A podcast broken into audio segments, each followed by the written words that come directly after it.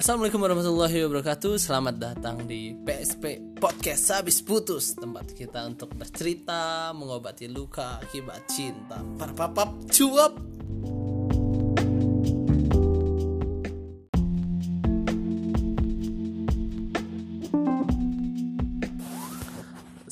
Selamat datang di cerita saya episode 5 di tanggal 5 Januari 2020 um, Sebelum gue mulai cerita gue Gue pengen ngomong bahwa konsisten tuh susah men. Apalagi konsisten dalam menceritakan dan um, membuat cerita ya. Karena kayak yang gue lakuin ini satu kadang gue itu nggak ngapa-ngapain. Maksudnya kan nggak nggak setiap hari gue melakukan sesuatu hal. Dan gue sedang belajar untuk konsisten dalam menceritakan apa kejadian-kejadian yang gue alami. Jadi ketika misalnya kayak hari ini gue nggak ngapa-ngapain gue tuh bingung mau cerita apa mau ngomong apa. Yang gue lakuin hanya seperti biasa olahraga terus gue pergi makan. Kan nggak mungkin gue ceritain itu dong. Itu semua orang juga melakukan. Walaupun mungkin olahraganya enggak ya tapi apa yang menarik misalnya misalnya gue cerita itu e, tadi gue makan ya makan lauknya tempe terus nasi nasinya setengah ya terus pakai sambal hmm, nasinya enak sekali luar biasa. Uh, kan nggak menarik ya. Jadi gue bingung gitu kayak sekarang hari ini gue benar-benar bingung untuk menceritakan apa yang mau gue ceritakan gitu tapi tapi gue ya percaya bahwa banyak hal di dunia ini yang menarik setiap harinya terjadi dan banyak hal yang bisa kita ceritakan. Tinggal masalahnya bagaimana kita memperluas dan mencari hal-hal uh, yang menarik itu. Kepekaan kita di sini sedang diuji dan sedang diasah gitu. Ini sih khusus gue sih gue merasa begitu uh, kepekaan gue dalam mencari hal-hal yang menarik yang bisa gue ceritakan sedang diasah dan akhirnya gue um, ingin hari ini ingin menceritakan terkait hal yang sedang hangat yaitu pertama soal dampak setelah banjir ya. Yang mana sebenarnya dampak setelah banjir nih kurang lebih pertama soal kerugian material yang mana banyak dialami orang-orang khususnya yang punya kendaraan tuh. Uh, enak kalau kendaraannya itu diasuransi ya kalau nggak diasuransi itu udah hancur. Terus uh, untuk ngebersihinnya juga cukup mahal karena gue ngeliat di berita bahwa untuk ngebersihin interior itu sekitar 5 jutaan gitu lebih gitu. Itu baru membersihkan belum memperbaiki merapihkan apalagi kalau ada hal-hal yang konslet kan. Uh, jadi di situ gue gue jadi mikir juga bahwa kadang-kadang punya harta di Jakarta ini kayak nggak arti juga nggak sih? Tapi ngomong-ngomong gue ngomong kayak kayak kemarin gue ngomong kayak gini juga dia. Tapi nggak tahu dah. Gue juga sudah lupa tapi gue cuma pengen cerita aja. Jadi bahkan gue perhatiin punya harta di Jakarta kayak nggak ada artinya juga karena kadang nggak bisa lo nikmatin gitu. Kayak lo punya mobil uh, kalau nggak banjir ya macet. Kadang lo susah untuk menikmati gitu. Ya walaupun sebenarnya itu resiko sih karena kan nggak tiap hari banjir atau tiap hari macet gitu. Setelah, nah pokoknya itu pertama bahwa dampaknya adalah kerugian material. Yang kedua itu dampaknya ke gubernur kita ya Anies Baswedan ya. Karena kasihan banget gue ngeliat di Twitter dia itu dibully banget. Ada yang ngomongin dia gubernur goblok lah. Dan dan maksud gue yang ngomong Anies itu bener goblok sebenarnya sendirinya juga goblok gitu. Kenapa gue bilang gitu? Karena nggak mungkin Anies goblok. Karena dia itu pernah jadi rektor Al Azhar tidak mungkin seorang rektor goblok jadi maksud gue kenapa kita fokus untuk menyalahkan gitu membuli uh, Anies? Padahal sebenarnya banjir ini terjadi banyak faktor gitu. Pertama memang selama hampir 150 tahunan deh kalau nggak salah. Karena gue baca di berita bahwa uh, dari tahun 1800 sekian sampai sekarang kemarin tanggal 1 Januari itu adalah curah hujan terbesar selama hampir 100 tahun gitu. Dan kalau lu ngerasain bahwa hujan kemarin tuh memang waktunya cukup lama karena gue aja ngerasain itu dari sore sampai siang gitu. Itu hujan hujannya terus gitu. Kadang lebat kadang rintik-rintik tapi hujan lagi. Selain itu selain masalah curah hujan yang memang cukup lebat dan waktunya dan tentu ada faktor dari kita juga mungkin kita buang sampahnya uh, sembarangan dan tentu ada faktor dari pemerintah bahwa pemerintah kurang siap dalam menangani atau uh, mempersiapkan hal-hal yang tidak terduga yang mana itu bisa terjadi. Contoh kayak banjir yang mana ternyata banjirnya uh, di luar ekspektasi mungkin. Dan bagi gue dibanding fokus untuk menyalahkan lebih baik fokus untuk memperbaiki dan mempersiapkan. Uh, karena ini masih bulan Januari awal uh, musim hujan itu masih panjang dan gue harap pemerintah akan lebih siap untuk menangani kalau seandainya terjadi banjir-banjir selanjutnya gitu kan. Walaupun kita semua tidak berharap itu terjadi ya dan kita sebagai masyarakat ya kalau bisa coba gitu apa namanya mulai menjaga lingkungan dengan berbagai hal lah yang bisa kita lakukan banyak hal.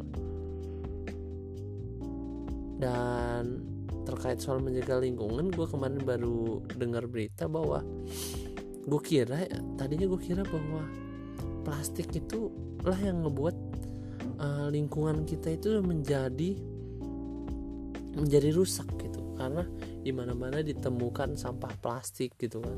Dan katanya sampah plastik itu nggak bisa didaur ulang uh, butuh waktu panjang gitu kan.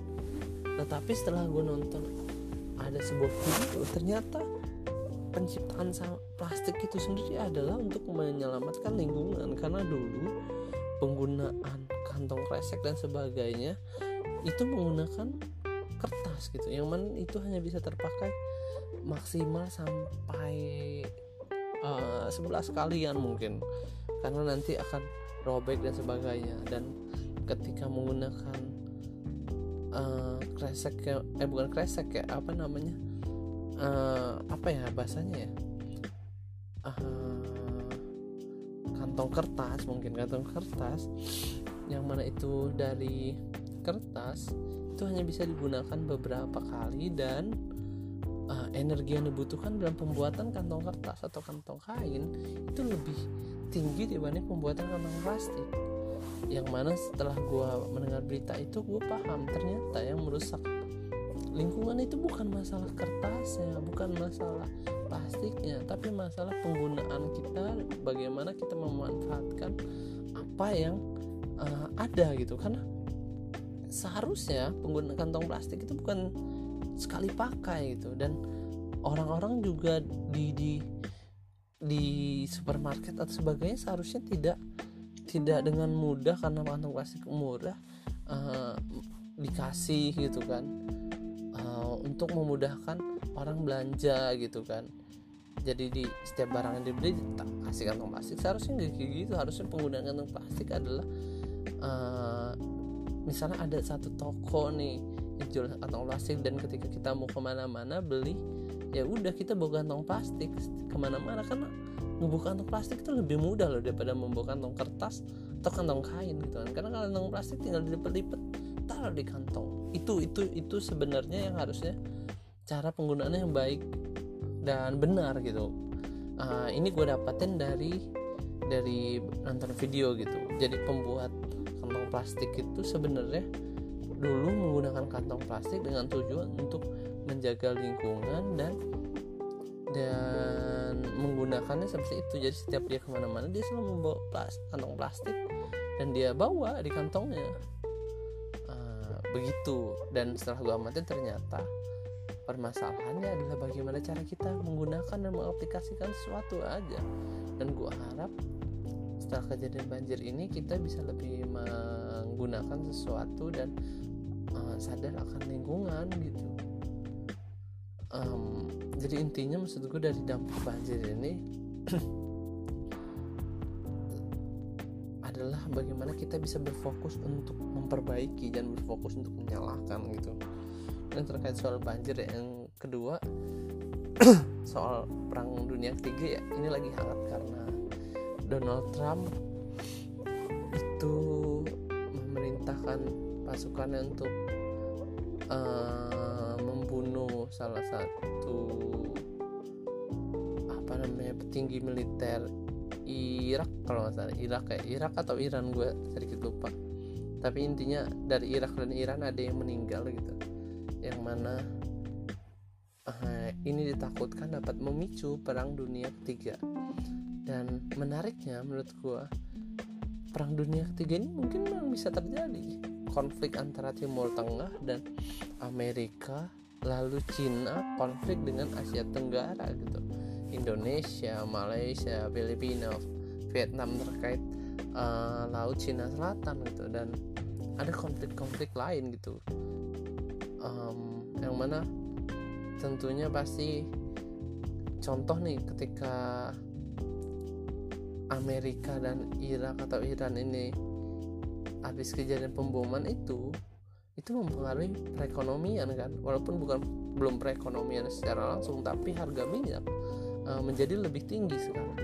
Dan nanti akan mempengaruhi perekonomian. Ketika perekonomian terpengaruhi maka seluruh dunia bisa terpengaruhi. Apalagi Amerika adalah negara uh, adik adik daya ya adik daya adik daya uh, lupa gue negara adidaya negara adidaya. Yang mana um, ketika terjadi suatu perubahan di Amerika itu bisa mempengaruhi negara-negara khusus negara-negara lain khususnya negara-negara berkembang. Dan begitu juga dengan Cina yang mana sekarang menjadi kekuatan baru. Kalau misal Cina bisa berkonflik dengan Asia Tenggara khususnya Indonesia, Vietnam, Filipina uh, dan sekitarnya lah ya yang terkait dengan Cina Selatan tentu ini juga akan mempengaruhi negara-negara lain. Selain negara-negara lain terpengaruh masalah ekonomi jadi atau terpengaruh karena masalah lainnya entah terkait soal kerjasama atau bagaimana itu mau tidak mau akhirnya mereka ikut campur atau mereka ikut campur karena ingin mengambil momentum gitu kan. Dan uh, menarik sih kalau seandainya, seandainya kalaupun perang dunia ketiga terjadi um, tapi sepertinya menurut gue gak akan terjadi sih karena uh, mungkin masih butuh beberapa tahun lagi kalaupun itu akan terjadi cuman uh, gue yakin hal ini akan mempengaruhi terkait perekonomian dunia gitu yang mana nanti mungkin akan bisa berimbas ke mana-mana gitu. Um, kalaupun memang di, di Islam sendiri juga kan seingat gue bahwa perang dunia ketiga itu juga pasti akan terjadi yang mana akan melibatkan berbagai persenjataan mutakhir gitu yang mana nanti akan me membuat setengah umat manusia yang meninggal ya. Dan dan setelah dari situ baru uh, perang kembali seperti zaman dulu menggunakan batu kayu kuda dan sebagainya gitu. Um, tapi ini ya maksud gue selain kalau gue kan itu membicara, membicarakan hal seriusnya cuman lucunya dari orang Indonesia itu adalah ketika hal-hal kayak gini nih yang mana ini sebenarnya cukup mengerikan kan kalau ini terjadi masih aja bisa bercanda gitu. Karena gue ngeliat di Twitter tadi ada orang nge DM nge DM apa namanya? Nge DM Donald Trump dengan banyak DM DM bercanda gitu. Ada yang ngomong misalnya woi lu Trump udah open war aja lo gue belum ngebuff gitu kan. Soal ML dibawa-bawa gitu. Ada lagi yang nge DM uh, lain-lain lah. Tapi maksud gue orang Indonesia ini emang kadang-kadang uh, luar biasa gitu ya maksudnya. Satu lucu yang kedua kayak nggak takut mati gitu. Uh, kondisi kayak gini aja masih bisa dibawa bercanda gitu. Ketika Sarinah dulu ada pengeboman aja ada yang asik tetap makan gitu jualan.